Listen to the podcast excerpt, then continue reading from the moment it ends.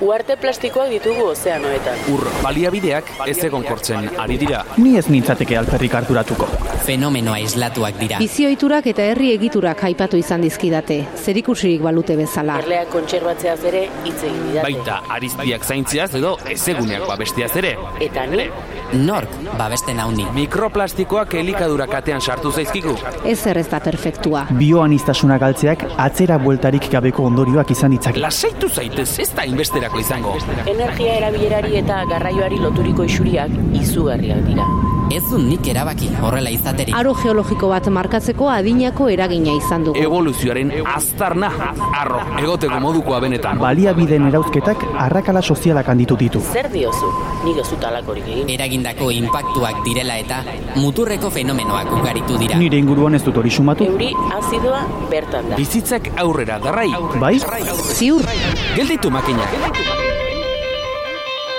Gelditu makinak.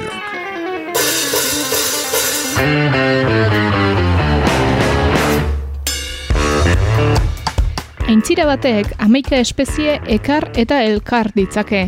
Aintzira bat da elikadura, babesa, isialdia, zaintza, arnasa. Garaiari erreparatuta senpereko pajaroi begira jargintezke. Oraingoan orlea, urlai begira goaz.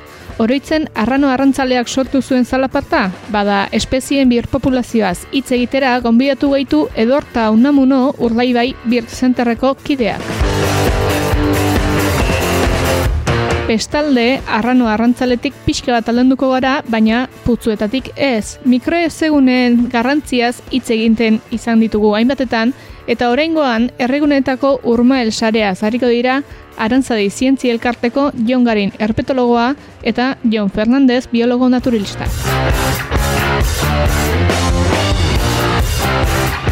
Putzu honetara joan etorrian ibiltzen diren txori batzuk baditugu, klase guztietakoa gainera. Gaur, energia aholkua mokoan, bisitan datorrena oier etxebarria goien kidea. Pausa zaitez gelditu makinaken urrertzean entzule, hogeita margarrena, astera doa eta.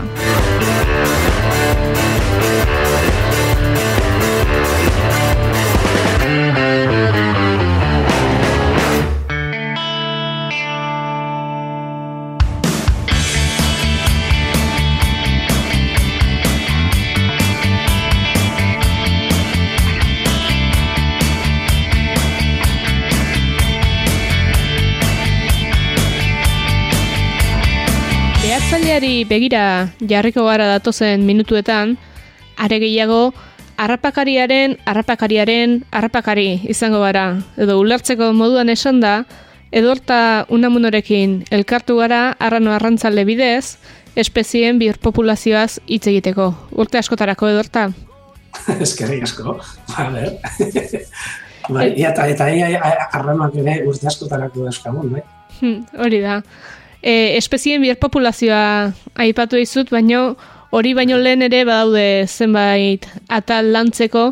Hain zuzen ere, espezie bat birpopulatu behar izateko, e, zein da arrazoia, zergatik iristen gara horrelako puntu batera? Bai, hombre, egia esan, a ber, e, gai nahiko korapilotsua da, ze, ze gaitik eta noiz eta ba, e, berreskuratu behar ditugu ez da, e, espeziak, ez da. Bueno, badakigu guk hemen altxor, e, di- biodibertsitatezko altxor itzela daukagula, bai Euskal Herrian, da, bueno, mundu mailan zer esanik ez, ez da. Eta horre, ba, altxor guzti horren barruan badaude hainbat eta hainbat espezie, ba, galzorian daudenak, beste batzuk, ba, beste modu batzutako arrisku suabiagoak edo leunagoa dituztenak, eta beste batzuk, ba, gure ingurutik desagertu direnak. Ez desagertu agian mundu mailan, eh? baina bai ba, gure eskualdean, gure herrialdean, edo ez dakit gure kontinentean. Eta orduan bai lantzen dira horrelako politika batzuk, aztertu egiten da e, espezie horien desagerpena zergaitik izan den, edo, edo behera, be, populazioaren beherako joera hori zergaiti den, eta egiten dira normalean plan batzuk. Plan batzuk, eta euretariko batzuk izaten dira espezie hori berreskuratzea. Esan dut apurtxo bat, korapilotu da dela, ze, klaro, e, espezie bat desagertzen denean, lehenengo ikusi beharko duguna da, noiz desagertu den, ez da, ze espeziak ba, gure munduaren historian, ba, bueno, ez egunero ez da, baina beti desagertzen diren gauze dira, desagertu eta sortu, ez da? Hor izan ditugu mamutak, izan ditugu baita ere bisonteak, eta dinosauruak ere, noski.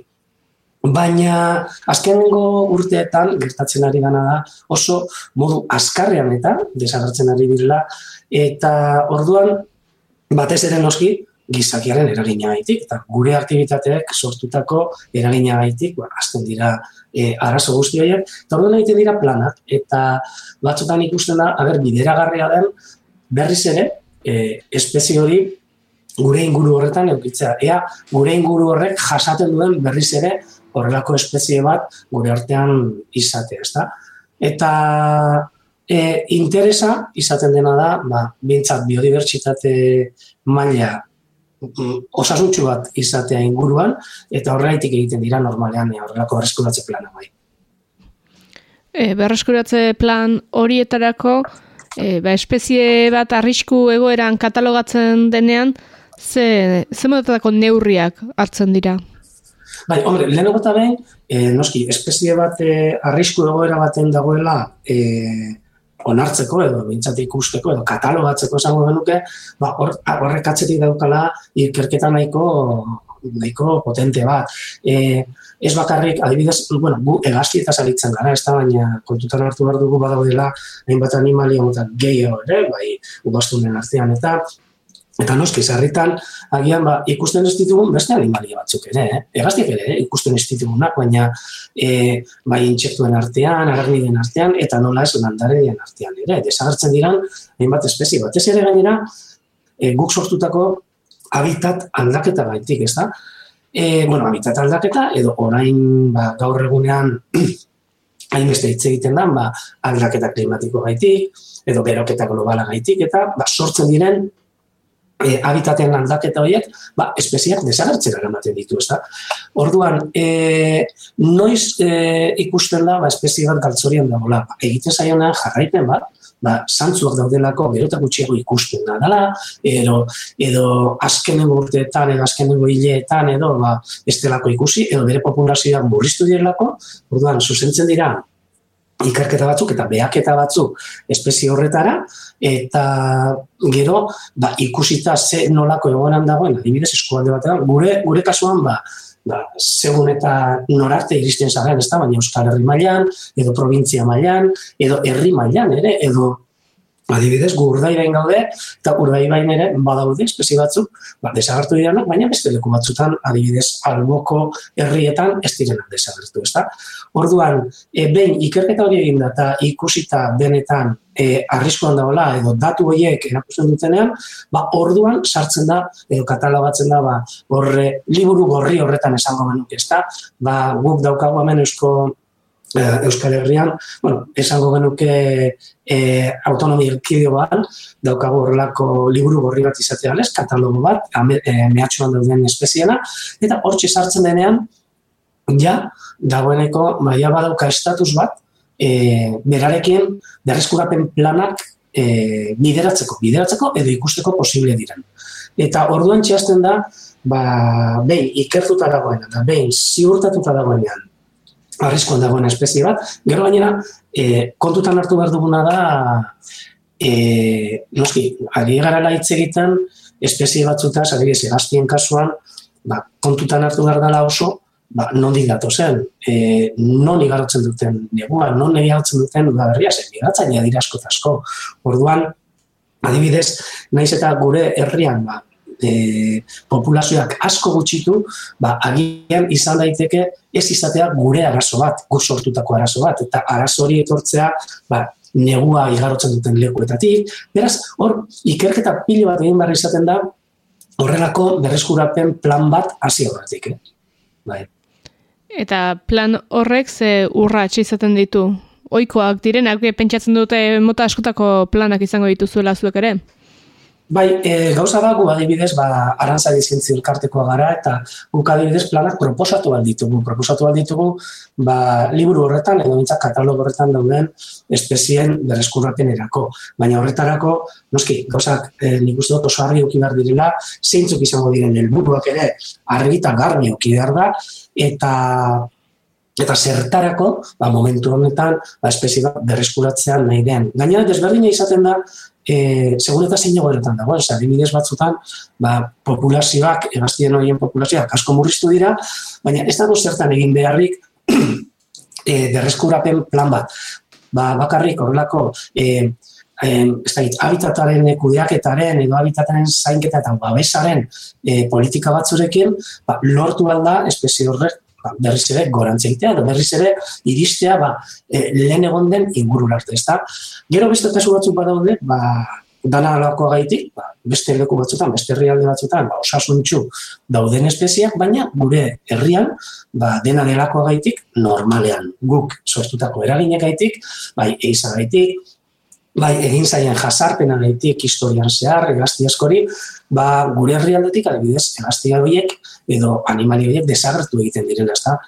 Orduan, hor bai, e, aztertzen dela sakon, zein izan daiteken berriz, elbur, e, zein izan daiteken arrazoia, berriz ere, e, animalia hori gure ingurura erakartzeko. Ezta? Batzutan e, gaur egungo jarduerekin eta ba, ez da oso ez da ustartzen, ez da? normalean ondo, segun eta zein, adibidez esango dizuet, ba, pentsa zelakoa sortu daiteken nahi momentuan, ba, e, azten baldin magara esaten, ba, Euskal Herriko mendietan, ba, hartzaren e, berreskurapen bat egin behar dugula, edo, edo otxoarena egin behar dugula.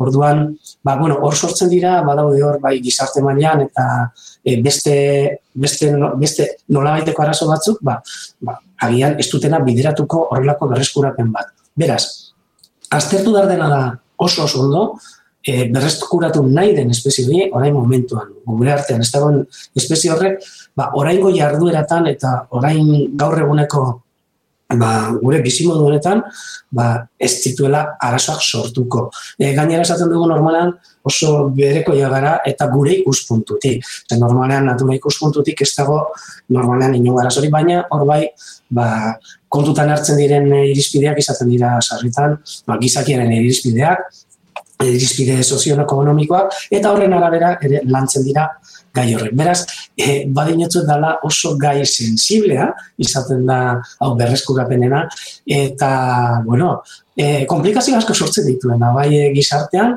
eta bai administrazioekin, eta beraz, pauso pauso egin beharrekoa eta aztertzekoa. Gero gainera esan behar duena da, ba, gu, geu, arantzari zientzia elkartea izanek, gu proposatu ditugu berreskurapen planak espezie konkretu edadikoak, edo konkretu entzako. Baina edo, edo, edo aktivitate batzuk, edo ekintza batzuk, ba, e, e, Obet, obetuntzak sortzeko, ba, espezie horiek berriz ere kolonizatu dezaten inguru hau, ezta? Baina eske azken finean kompetentzia, hor guztian kompetentzia, hemen Euskal Herrian mintzat, edo erkidegoan foru aldundiarena izaten da. Eta foru, foru aldundiak izaten dira, arduradunak plan bereziak sortzeko espezie konkretu bakoitzerako. Baina horretarako, noski, lehenengo, zehaztu behar da ondo, espezie hori mehatxatu dagoela, liburu horretan edo katalogo horretan egon beharra dago, baina azken finean planak, berreskurapen planak, e, aurrera martxan jartzen dituenak, naiz eta ba, gurelako entitatekin e, lanen batera egin, ba, izan beharra izaten dira foru aldundiak. Gure kasuan, ba, albidez, bizkaiko foru aldundia guk egin ditugun e, e, berreskurapen proiektuetan bai. Eta kasu konkretu batera igarota arrano arrantzalea aipatu negenuke. E, bai. nola, zein da arrano arrantzalaren kasua urlai baien? Bai, behitu. E, azken finean, guk eraman ditu hemen pare bat olan berreskurapen proiektu. Bueno, bai egin direla, e, proiektu asko berreskurapenarenak, badibidez, e, inguruko, inguruaren e, berreskurapen proiektua. Bai ditugu, e, eta gitsi gora bera, antzerako izango ditzak ere, ba, ikusi, ba, gure ingurua, ba, e, padura batzuk, lehen zeuden padura batzuk eta nahiko degradatu dela, ba, bai landarein baditzaileak sartu zirenako, eta bai bestelako kontu batzuk gaitik eta, ba, bueno, hor, berreskurapen proiektu batzuk egin izan dira, ba, habitat hori berriz ere ba, gureratzeko eta hobetzeko asmoz, ezta? Eta espeziekin ere berdin gertatzen da. Arrano arantzalen kasuan, guk e, pare bat egin ditugu, e, gaztiekin, bate izan da e, zuriarekin eta beste da arrano arantzalearekin. Konturatzen bazarete, e, egazti bi hauek, egazti oso handiak dira. Eta, e, eta ikusten diranak, e, egazti polita jenteak, ezagutu ditzakenak edo erakargarri egin daitezkenak ba, jendeari, ez da, gizateriari, ez da. E, normalean, ba, oso zaila izaten da, e, gazti txikiekin edo animali txikiekin, ia, ia ikuste zina birenekin, ba, horrelako proiektuak aurrera ematea, ze ez da goten ere horrelako babes bat, ez da, jendearen artean, ze azken finean ezagutzen ez dena, ba, ez da babesten, azkenan, zuk ez dakizu zer daukasun, ez da? Eta nik esaten bai zuta dibidez, ba, hemen, arrisku larrienean dagoen negaztia, ba, antzando bia izan daitekela, antzando bia arrunta, hemen, gure inguruan, edo ben, urbenarri izan daitekela, ba, jendearentzako hori, bueno, e, zerbait e, ikuste zina da, osea, e, ez dakite zer dan, ez da, beraz, e, bai administrazioekin lan egin daiteke, baina oso importantea ere da, gero, proiektu horietatik, ba, kontzientzia bat sortzea eta jendeari ezagustaraztea zer daukagun, eta zelako importantea da, ba, horrelako e, dibertsitatea mantentzea gure inguruan, ez da, orduan, esan, esan dakoa, egazti handiak, izango nuke ikonikoak ere, ez ikonian nork ez du ezagutzen, ez da, eta baina txikitatik, e, basaten digute, ba, Parisetik ikaste dituztela e, umeak eta horrelakoak eta bueno, gure kulturan eta sartutako egaztiak dira. Adibidez, arren horrentzalea, ez hainbeste, baina baita ere da egazti bat, oso ikonikoa, e, simboloa herrialde askotan, aiparreko herrialde askotan, ingarrateran, Eskozian adibidez, e, Finlandia eta herrialde horietan, oso egazti maitatua da, eta jarraitu ere, ze, e, benetan bitxia da, da arrano bat, arrapari bat, e, jendeari kostatzen zaio asko arrapariak eta ondo ulertzea, baina kasu honetan arrano honek arraina bilaten ditu. Beraz, e, kalte sozioekonomiko gutxi ekartzen dute, ba, gure gizartera, ezta. Beste kasu batzutan esango ba genuke, ba, jo, arranoak, ba, eiza iaten duela, ba, eiztariak ere hor daude, beraz, horren kontra egon guritzak ez horrelako gauza sartzeko. Arrantzaleak ere egon daitezke, ba, arrainiak arrapatzen dituztenen kontra, ezta, baina nahi dut esatea, aukeratzen dirala horrelako egazti batzuk, eta helburu batekin, azkenean, berreskurapen proiektu batetan sartzen garenean, e, ikusi behar ditugu zeintzu diren egazti horrek edo animali horrek ekarri ditzazken onurak, ez da? Onurak, ez bakarrik eh, onurak ba, bera eh, ekosistema horretan edo honetan sartzen dugulako berriz ere, ez da? Ze azken finean, espezie bakoitzak berriz ere gina dauka ba, e, bizitza ziklo honetan, ez da? Eta ekosistema batetan, ba, katebegi bat da, eta katebegi bat ateratzea ekosistematik, ba, inoiz ez dakizu zela kondoriak ekarriko ditu. Naiz eta harrapari bat izan edo, naiz eta gauza nimino bat izan, ez da? E, ondoriak ekarriko dituela ba, ekosistemarako, eta azken finean, ba, gure ongizaterako, noski. E, segun eta zertzu gauza desagertzen diren, ba, guri ba, gehiago ez dakit, gure ongizatea burriztu daiteke gehiago da gutxiago, ez da? Eta arranoaren kasuan, adibidez, zentratzeko, ba, bueno, ikusten genuen zela egazti bat, ba, duela urte asko, hemen bazegoela, Euskal Herrian, kanta hori xuri osoan, nik esango nuke barrualdeko ezegunetan ere ugalduko zela, e, duela e, urte asko, batzuk dinote egunka urte izango lirakela, baina bueno, bai ikustia besterik ez dago, ba, gainera nahiko polita da gai hau, ikustia besterik ez dago, ba, gure ba, inguruan dauden e, Elisa Romaniko eta Gotikoetan eta ba, kapiteletan, ba, badakizu eserako iruditeria eta erabiltzen zuten, eta hainbatetan, agertzen dira arran arrantzalea, edo bintzat agertzen da arrapari bat, eta hankan artean, edo erpeen artean, arraina dugu ezta. Beraz, e, horrek ziurtatzen digu, ba, gure inguruan, ba, zeudela arrano arrantzaleak. Gertatzen dena da, ba, historian zehar, ba, e, batez ere harrapariek ba, oso jasarpen gogorra izan zutela eta ba, batez ere deus estu egin ziren, ba, beti bentsaurik ba, kaltea sortzen zigutela ba, gure aktivitateetan, ezta? edo gure ganadua jate zutela, edo gure untxia jate zituztela, gure oilua jate zituztela, eta horiek ba, e, patariak ziren, ez da guk hemen e, gure herrian patarizek deitzen dut, ez da patarizek dire, ba, alimainaz izango genuke gazteleraz, ez da, orduan ba, horrek eukidugu sistematikoki deusesteko joera bat. Eta arrano arantzalekin oso horrez gertatu zen, ze beraien abiak oso deigarria dira, lekurik ikuste, ikusgarrien eta nire dituzte, eta bueno, ba, historian zehar, ba, abio horiek, ba, deus egin ditugu, eta azkenean espezie hori gure lurraldetik bota egin dugu, bota egin dugu, desagertara egin dugu. Gertatzen dena da, arranoak eta ba, migratzailea diela. Eta badaude beste populazio batzuk munduan zehar, zabalduta, bai gure iparrea, bai Eskozian, Inglaterran, batez ere Eskandinavia eta Rusian eta eta hoietariko arranoak, ba, Euskal Herretik oraindik orain pasatzen dira, pasatzen dira, ba, beraien Afrikarako bidean. Orduan, berreskurapen proiektu bat e, azteko orduan, leheneko ikusi behar da, espezia, ea nola txertatzen den berriz ere inguruan, gero, e, aukerak ote dauden espezie hori berriz ere gure inguru horretara moldatzeko, eta e, alik eta e, hemen bizi izan zen e, a, a, e, gazti horren edo espezie horren aiderik gertukoenak aurkitzea eta posible izatea hortik lortzea ale batzuk berreskuratzeko berriz populazioa berton. Beraz, ikuste dituzu zenbat pauso jarraitu behar diren bakar bakarik hasteko. Eta helburua zein izango zen? Ba, bueno, jende guztia pentsatzen du, ba, ba, izango dela kontserbazio ere e, helburu bat, eta arrano arrantzalea berriz ere adibidez urnai bain ikustea, edo kanta hori zure aldean ikustea. Ja, hori berez, ja, gauza itzela da, ze, e, gure biodibertsitateko, biodibertsitateko altxorra, nik uste dut, emendatu egin behar dugula, ezta? Baina, bueno, arran arrantzalerena nik esango nuke dela e, horretaz aparte aitzaki bat. Aitzaki bat, eta nik horrela, eh, argita garri izaten dut, eh? arran arrantzaleak ez dauke inungo arazorik munduan zehar bere kontserbazioarako.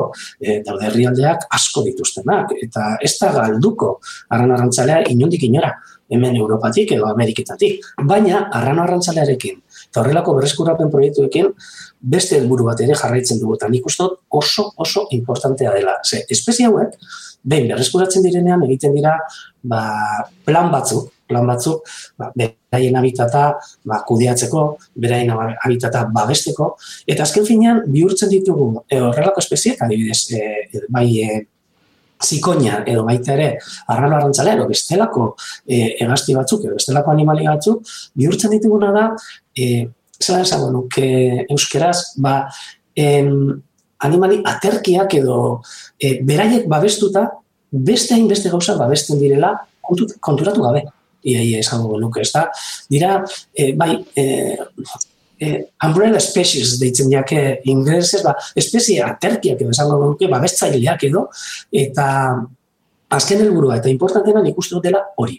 Ze, azkenean, aitzakia arrano arrantzalea, e, kontserbatzea, arrano arrantzalea, berreskuratzea, baina berarentzako egiten diren politikek baimentzen dute eta bideratzen dute ikuste zinak diren hainbeste eta hainbeste espezieren babesa.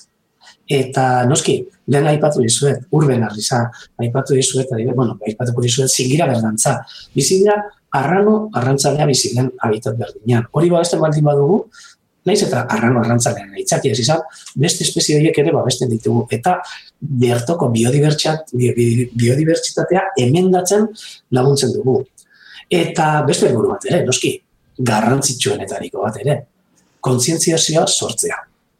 Gaur egun, nik uste dut eh, gure gizaterian, lehen esan dizuet ere, ezagutzen ez dena, ez da babesten, hori argita garbi dago. Eta arranoaren kasuan, oso tresna, ona da, adibidez, ba, bai e, divulgaziorako, E, oso, begietatik sartzen den egazti bat da, ez da, egazti bat, una, narrapari bat, polita, zuria eta beltza, horrelako antifaz batekin, begiak hori horia. E, bueno, porte eta itxura elegantekoa, abiak egite ditu, pare parean, e, e, bueno, pinuen puntan puntan, edo gu jartzen ditugu lekuetan, ez da, eta azken, azken finean da oso egazti edo animali erakargarria. Gure bihotzetan, adibidez, lekutxo bat egiten dugun animali horietarekoa, eh?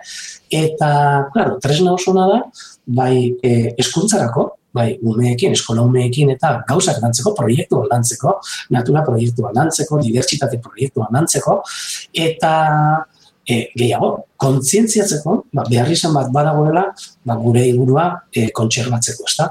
Eta azkenean, ba, bueno, gu, e, adibit, e, nahi baduzu adibiderantza joako naiz, ja justo e, gure proiektura, eta hasi ginen, proiektu hori 2000 eta mairuan. 2008an, guk, ja, behin, pauso asko, ja, horretik egin da, ba, ikusita, ba, bai, lehen esan dudana, eh, ba, a ber, e, gure habitat honek urdai behiren kasuan ba, jasaten zuen berriz erarrano arrantzanea eukitzeko lekoa, hainbat ikerketa egin ziren, kanpotik hainbat aditu etorri ziren, bai, eskoziatik, e, roi, roi, e, Jesus, Roy Denis, e, baitere e, Saurola e, Finlandiatik, beraz, beraiekin ikusi zan bideragarria zela, eta ez hori bakarrik, ikusi genuen ere, ba, adibes bat zeudela gobernu batzuk, adibes Eskoziako gobernua esaterako, ba, prest zegoela, ba, foru aldundiarekin eta eusko jarularitzarekin hitzarmen batekin, eta amabi urtean, oi, parkatu, bost urtean zehar, urtero, amabi arrano arrantzale txita, ba, guri emateko donazio moduan.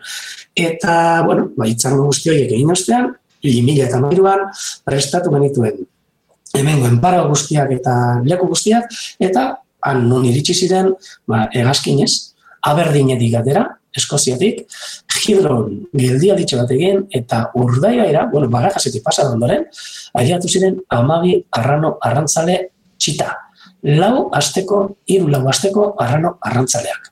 Eta ekartzen genituen, ona, e, jarri genituen hemen paduran genezkoen errelako eraikuntzatxo batetan, padurara begira, beraien abia izango balitzake moduan, eta bertan guk eskutuan, beraiek ikusi gabe, ba, elikatu eta mantentzen genituen ba, asten joan, joan arte Eta garai horretan, gainera, ba, lortzen zena zen, ba, arranoi eskozia ahaztea, eta e, beraiek bere garunean hasten dira orduan txego detzen, garai horretan, sasoi horretan, hiru lau asterekin, bost asterekin, ba, konturatzen dira non dauden, eta beraientzako garai horretan ikusiko dute nongoa diren. Beraz, guk engenina da, apurtxo bat, engainu usa, engainu txoa. E, eskoziatik egarri, baina guztiz euskaldun du. Eta, noski, ja, ben euskaldun duta zeudenean, trokelatuta esango den nuke, berai gu eskintuzten ikusten noski, ba, askatu egiten genituen, hemen inguruan gelditzen ziren, ba, hilebetean bueltan, guk ere, ba, beraien gurasoen moduan, ba, janaria ematen genien, guztien genien leku batzutan, eta, bueno, ba, ateratzen ziren urtero urtero, amabi arranano arrantzan etxita, guztiz euskaldun duta, eta berai, bentsatu zutela eskozian gabe, berton jaio zirela. Noski, migratzaileak izan da, hauek Afrikanentzako bidea, jartzen zuten irailero irailean, e, urtero urtero, Eta gero ba, itxaroten egoten ginean, ba, ean os, ba, bururatuko zitzaian, ba, berriz ere, beraien lurraldera hurbiltzea, batez ere, ugaltzeko kontuetan. Eta hori gertatzen zen, ba, jaio eta bigarren urtera. E, horretarako egin genituen bost urtetan, amabi arrantzale urte bako izan pentsa zebat arran arrantzale askatu ziren, baina kontutan hartu behar dugu, ba, beraien migrazioetan eta euneko larrogeia gutxi gora bera hile egiten direla bideian eta lehenengo urtean. Beraz, horreitik askatu zein nahi beste. Hoietatik, bueltan noski etorri direla batzuk, eta ba, etorriko ziren dozena bat baino gehiago, eta ez bakarrik euskal herrira, eh? ze gu batzutan nahi izaten dugu ementxe, ementxe, ementxe dena, baina, bueno, hauek espezia dira kantauri alde guztian banatu daitezkenak, eta ba, batzuk landa inguruet Dara, iparraldean ere badago bikoteren bat, bila biziosan, e, ba, sandanderreko badian, eta noski hemen urdai bain. Beraz, e, lortu genuen zen, ba, bueno, populazio bat lortzea hemen, berriz ere pentsatzen zuena hemen zela. Eta moldatzen zela gure lekuetara oso ondo. Eta aurten, izan da lehenengo aldiz, ba, saiakera bat egon dela bertan urdai bain, ba, ugaltzearena. Eta aldean komentatzen nuena, divulgazioarena, eta bueno, ba, gure asmo bat izan da beti, ba, jendeari erakustea, ez da? Gure lana, hemen urdai bai zenterren da, ba, mundu hori jendeari etxera batea, edo jendea erakartzea leku honetara ba, horretaz ikasteko, ez da? Eta ikusi duguna da, ba, bueno, ba, pentsatu genuen kamera bat, kamera bat, holan, e, vigilantziezko kamera bat, jartzea, ba, beraiek erabiltze zuten abiatik urbil, beraiek etorri horretik, ez, e, bikotea sortu zen 2008an, ba, roi izeneko euskaldun arrana arrantzale batekin, eta e, landetatik etorritako beste eme oso polit batekin, landarekin, eta bueno, eta aurten urtean, martxoan, bueltatu zirenerako, bu jabane, bagan eukan jarrita horrelako kamera bat, ba, beraien bizitza, e, etxeko bizitza, da abiako bizitza, kuskusiatzeko, esango genuke, eta martxoan etorri ziren momentuan, kamera martxan jarri genuen, eta, bueno, izan da espektakulo ikusgarri bat, e, e, behintzat ikustea zuzen, zuzen, zuzenean, egunero, egunero, orduro, orduro, zer gertatzen zen arrano bikote honekin. Ikusi dugu, bueno, nola maite mintzen dire, nola kopulatzen duten, nola e, inkubatzen zuten, nola eguraldi txarrari aurre egiten zioten, arrautza jartzen zituzten, nola txitak sortzen ziren, e, txita batzuk zituzten arastoekin, ba, batzuk hile egin ziren ere, eta azken finean, ba, lehen esan dudana, lortu gonduena zan, milaka etxeetara iristia, kamera hauekin, eta ba, milaka etxeetako pe, milaka pertsona horiek, ba, bereien bihotzean, horrelako lekutxo bat egitea, arrano arrantzadeari. Gutxi gehiago, bai, edorta, gutxi gehiago, hortik tiraka nahi nizu bai, galdera bat luzatu, Bai, esan? E, aipatu duzu, arrano arrantzalearen kasua eta horrelako kasuak divulgaziorako, kontzientziarako e, oso eraginkorrak direla eta proiektu hoien interes nagusietakoa hori izaten dela. Bai. Hala ere, garapenaren edo historiaren parte bada espeziak desagertu eta berriak edo bestelako espeziak sortzea. Beraz, bai. interes antropozentrikoetatik arago, zergatik egin lan horrelako espezien kontserbazioan eta ez utzi ba, bueno, beren bidea egin den. Hombre, e, bai, espezien historian zehar, osea, bai gu ere, ba, gu sortu ginean, ba, momentu baten gizaki izatera, eta gu ere desagertuko gara, noski e, berdin gertatu zitzaien dinosauro hori, milioika urte ba, hemendik bizitzen egon da gero, ezta? Baina, bueno, horiek izan ziren, ba, ematen diren iraungipenak eta, eta beti ematen direnak, eta ematen jarraituko dutenak, milaka urtetan zehar gertatzen direnak, e, bai, termikoan gertatu ziren batzuk itzelak, e, eta, bueno, hainbest, bueno, ba, azkeniko glasiazioetan ere, ba, beste batzuk, ba, hor, mamuten kasu eta, baina, bueno, e, horiek dira, naturalki izango denuke, gertatzen diren e, iraungipenak. Ez da, gaur egun, konturatu behar gara ba, gizakiak e, eragin itzela daukalo itzela. Nabarmenena daukala ba, gizakia dela, eta gizakiaren aktivitateek eta gizakiaren ekintzek lortzen dutena da ba, mundua hankasgora jartzea, ezta. Eta adibidez espezien iraugipenean, ezta.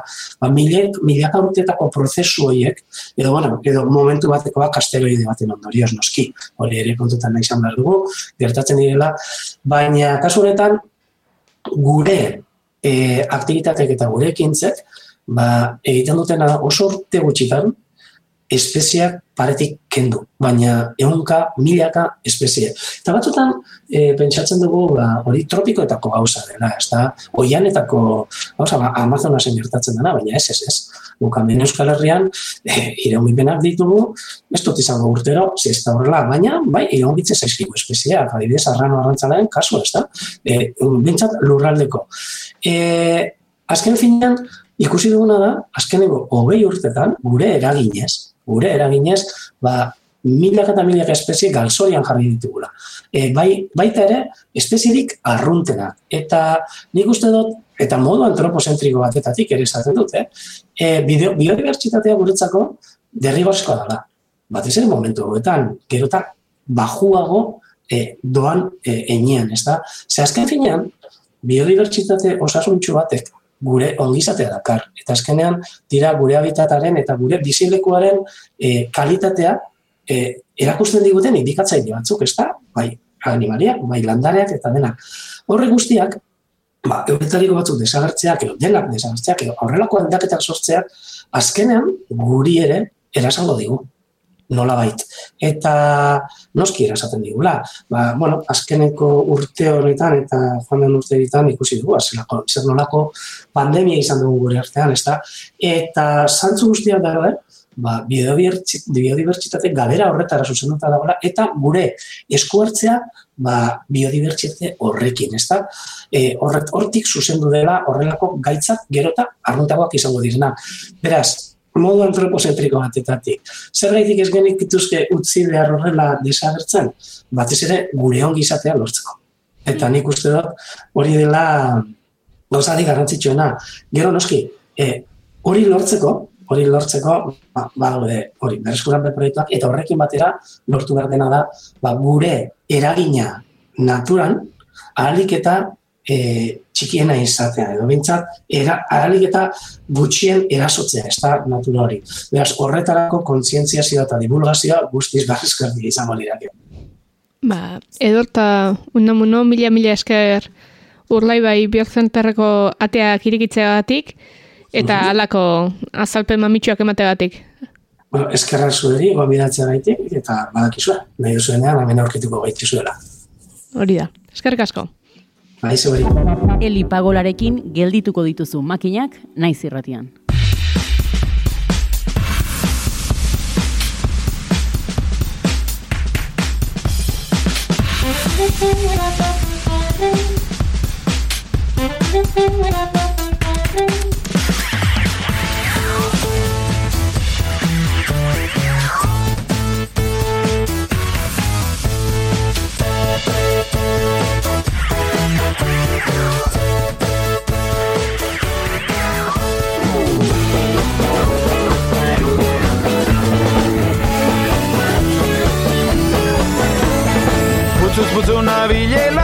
Amorruan puztuta Putzuz putzu nabilela, amorruan puztuta Dinostan igela, amorruan puztuta Patxadarina un aspaldi honeman agibela Malko garratzenen ura, datorren eputzura Koldo izagirreren antzera putzuz putzu ibili zalea gara, tarteka urraunditan sartuta gainera. Igelen uginik gabe, honako honetan putzuragoaz literalki. Herrigunetako urmaelez eta intsektuez hitz egiteko bildu gara arantzaiko Jon Garin herpetologoa eta Jon Fernandez biologoa eta naturalistarekin ongi etorri bioi. Berdei asko. Urmaele zari garela, urmaelen sare bat osatuta dago, hainbat herritan urmaelak egokitzeko eta berritzeko proiektuak sortu ditu arantzadik.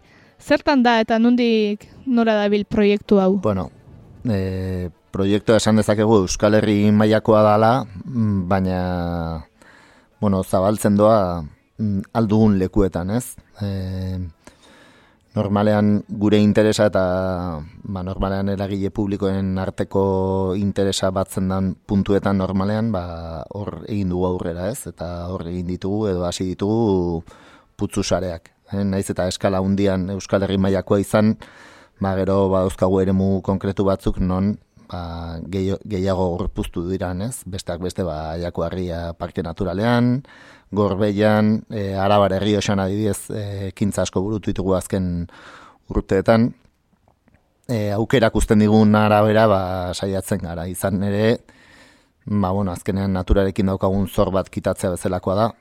Azkenean, nahiz eta biztaz ikusi ez, ez egune asko lehortu zirelako aurreko mendean zehar. Orduan, ba, bueno, atzera buelta bat bezalakoa izango litzateke orain martxan daukagun proiektu hau.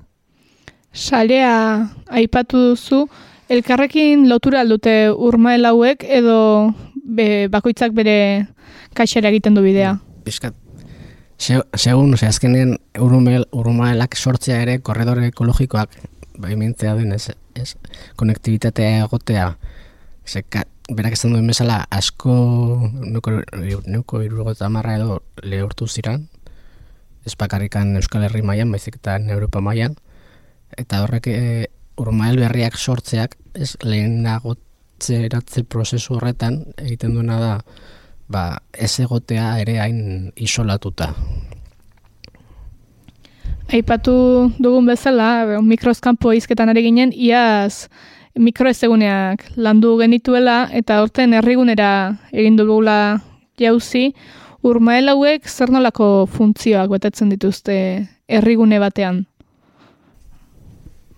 Ba, herrigune batean, osea, urmaelek berez betetzen dituzten funtzioak direla, edo izan daitezkela, ba, florari dagokionez, e, florari eta herrigunetan garrantzitsua da ze landare batzuk surgatzen dituzten adibidez sustraiekin e, e, metalastunak.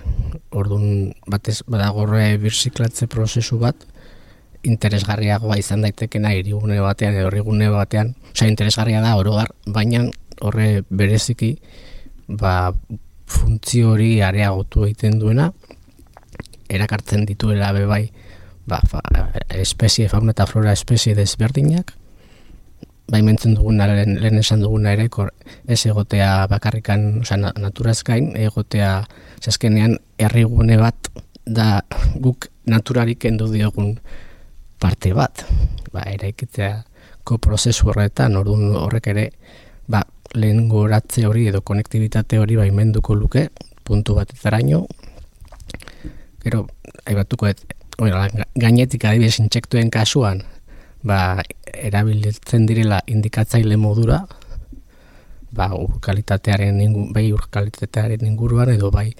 populazio, guretzako populazio kaltegarriak eltsoak adibidez, ba, kontrolatzen dituztelako burruntzen kasuan adibidez hori nahiko nabaria da, eta bueno, hainbat kasu aiparetzak egu, baina ez nuke ilusatu nahi. Hain juistu ere, intsektuak badira e, gaurko elkarrezketaren atal bat, eta intsektuak ezagutzarik ez dugun ontzat behintzat normalki ez dira oso animalia estimatuak, hauen ekarpena horlea azpimarratzekoa dela diozue. Bai, hori aipatu dugun e, horren inguruan, adibidez, azken finean, ba, jendeak daukan ideia edo ba, kaltegarriak direla, ditxusia direna, gero burruntziak ikusten dituzu eta ez dira bat ere itxusiak, eta erabiltzen dira kasu batzuetan e, flagship edo olan e, ikurriña moduen, ze in, brontziak babesterakoan, ba, katetrofikoan edo eurekin erlazionatuta duen, hainbat espezie babesten dira gari aldi berean. Adibidez, nolako espeziak babestu itzazkete burruntzi hauek? Ba, kontuan hartuta, izan behar dutela segun espezia, eh? baina urkalitatea ona dena, gero badaude efemeroak ditzen dira, bueno, efemeroak trikopteroak berez erabiltzen dira gehiago erreketan, baina urmaeletan ere egon daitezkeenak. Eta horren larbak, bruntzien larbak, horrek babestu, oza, babestu, oza, urkalitatea mantentzen badugu eta ba, baldin badago landarri dia eurik arrautzak jarri, ze larbak egiten dutena da, lezketan eta horrela igo eta handikan metamorfosiaren ondoren ateratzen da heldua. Bordun, beste uretan, ez, uretan bizi diren larba guzti horiek, ba ere babestuko ditugu.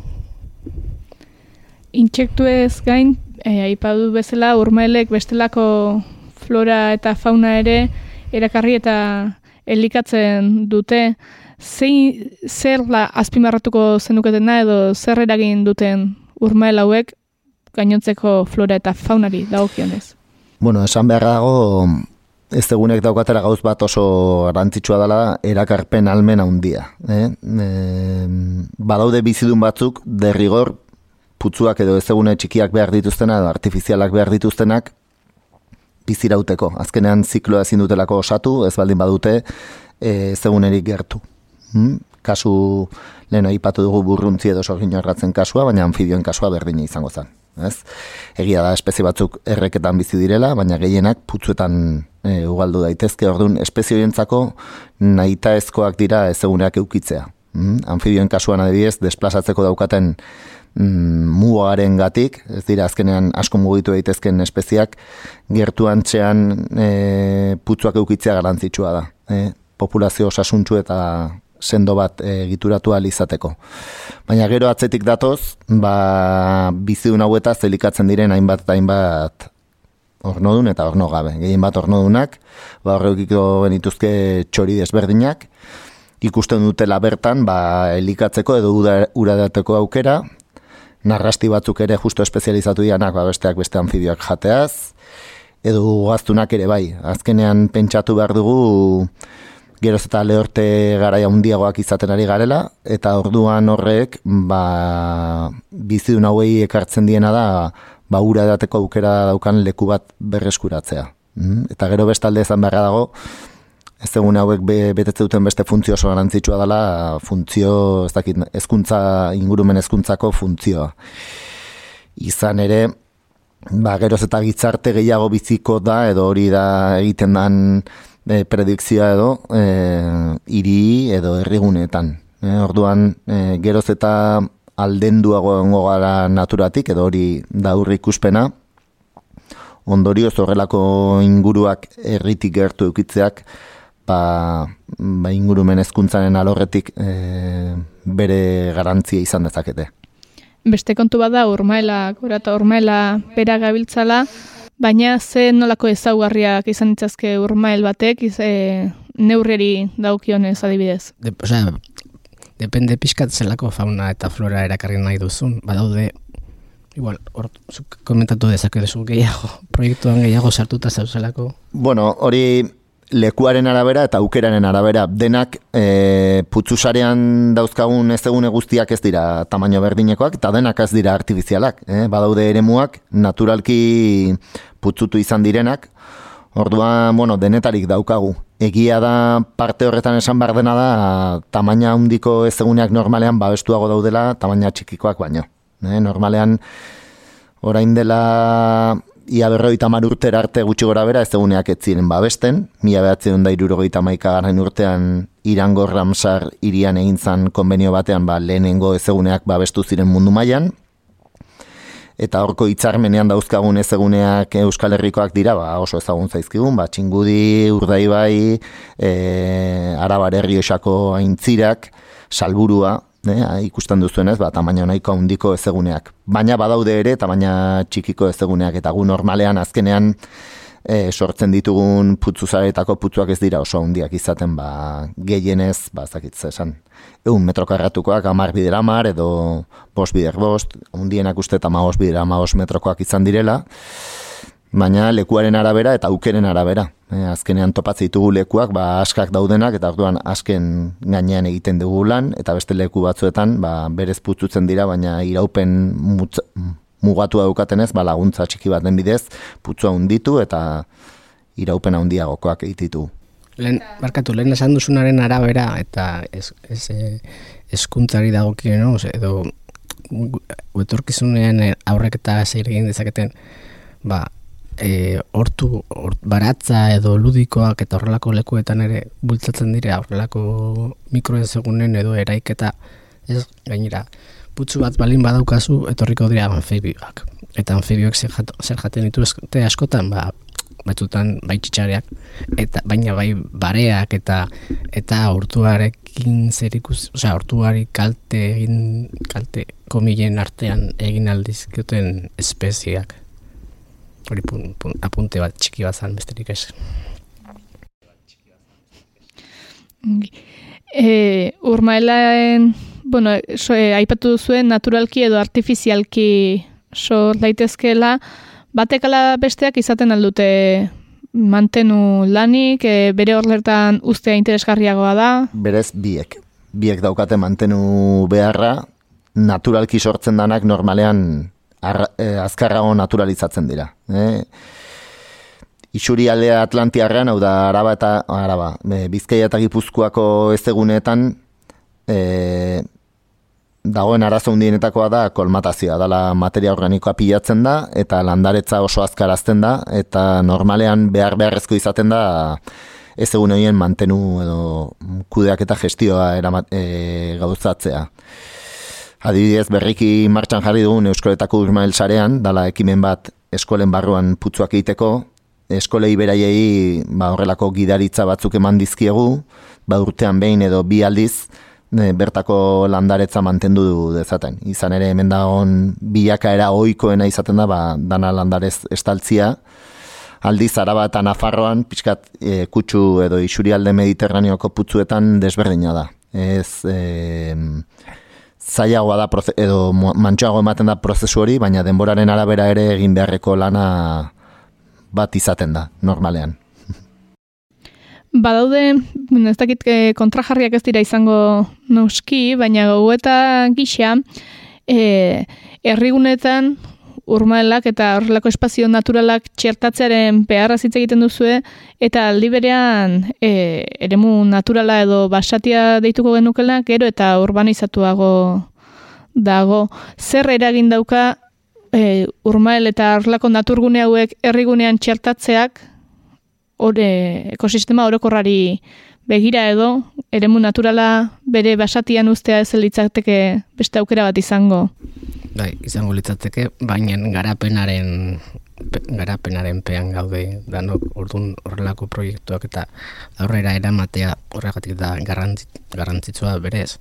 Best, osea, nahiago genuke dana bere zerta horretan mantentzea gero natura harinen berreskuratzen delako, bere susten badiozu oso, oso resilientea da edo oso oso garapen askarra dauka ez badu gizakiaren eragin handirik baina gertatzen dana da ba, oso zaila dela gaurrera matea Berez Euskal Herrian e, eragin antropikorik gabeko zonaldeak ez dauzkagu. Naiz eta ba, bista botatzen dugun lekua nat, oso naturalizatutakoa iruditu, beti e, gizakiaren interbentzioren bat edo jasan izan du. Zuzena edo zerkakoa. Ez? On- Ondorioz, ba, bueno, egia da, azkenean interbentzio txikiak egiten direla naturan, eta kasu batzuetan adibidez putzu artifizialak sortu ditugu ba, ustez oso naturala dan eremu batean, baina normalean egiten dana da la, ba, bueno, behar bat dagoelako edo espezie mehatxatu bat egon daitekelako Orduan, bueno, betiko kezka da, eh? E, natura pakean utzi, e, egia da, baina ikusi dugu pandemia garaian zer nolako, ez dakit, moda sortu dan e, naturgune edo zo- zona berdetara joatekoa. Ez, orduan, ba, argi dago epe luzera begira hori ez dakigu txertatuko dan edo moda kontu bat izango dan, baina, ba, bueno, azkenean ingurumen hezkuntza hori egin daiteke herrian bertan, baina baita ere kanpo, baloratuz ere ingurune naturalean egiten dan e, kudeaketa eta bertan dauden balioak, bai e, naturalak edo bianiztasunen ikuspegikoak, baina baita ere ba, ba, bueno, ematen dizkiguten produktuak eta bertan lanean egin dagoen jendearen lana ere balora, balorean jarri bada. Ba, izan daitezela urmael eta putzu hauek ingurumen hezkuntzan aurrera egiteko bide, eta izan gaitezen kontzientzia pixka bat gehiago duten errekideak. Mila esker bioi, bai Jon eta bai Jon, Jon Garin eta Jon Fernandez, arantzaiko kideak, mila esker gurean izateagatik. Vale, mi esker. Mi esker zuei. Gelditu makinak. Naiz irratian, Eli Pagolarekin. Energia holkuak goien erren eskutik. Atalau iristean, etengabe datorkit burura sarrera nola ematea komeni den. Energia pilula, pilula energetikoa, bihurritu litekeen kontzeptua ez ote den ere zalantza. Tira, guk bada espada, ez da uzkigun uretan sartzeak egingo dugu. Oier barriari zabaltzen diogu atea eta gaur ere alaxe egingo dugu. Hau Oier. Atzaldeon. Ea ba, esaiguzu gaurkoan zerekin zatoz. Bueno, ba, aurreko atalien esan dugu, eh, esan gauen, eh, txia berotzeko sistematan eta, bueno, ba, horra dauela aurrezti, ez da? Eta behin eh, letra on bat, efizientzia on bat lortu duenean, ba, jo, B espaldin bada, ba, ba, D edo C edo lakon bat lortzen duenean, Baina, heldu da momentua, etxeko berokuntza sistema iribe buelta bat emateko. Eta, bueno, gaur egun daukoen galdarak, ba, gazeolokoak eta baldin badia, ba, ziur, aurrezpen egin leikela askar, gazekoa baldin bada, bueno, gazeko presioa, gazan presioa handitzen doian einean, ba, beste sistema batzuk e, erabiltzen hasi biharko ginake.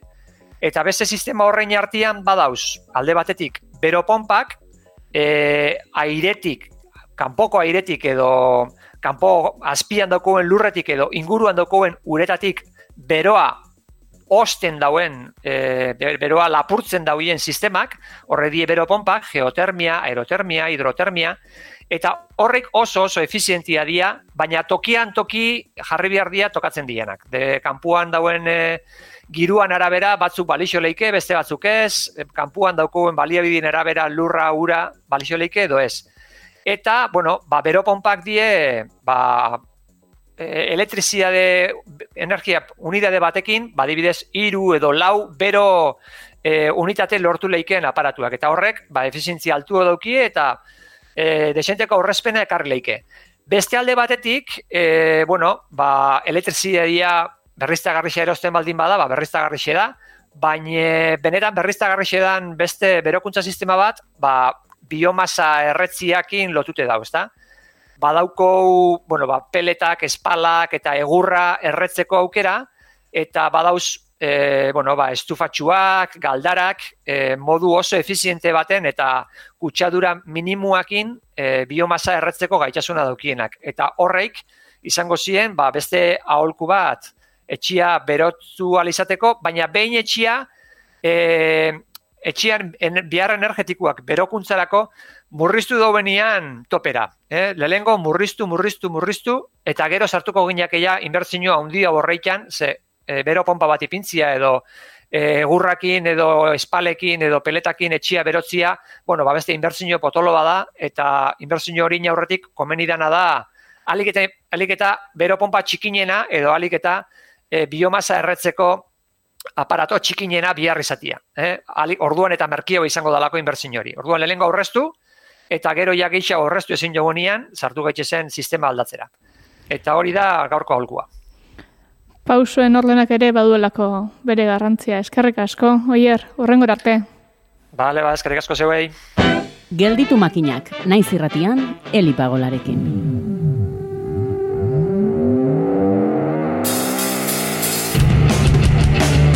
Gelditu makinak lakuari hogeita margarren itzulia osatu diogunez gero, ongi izan eta aio entzule.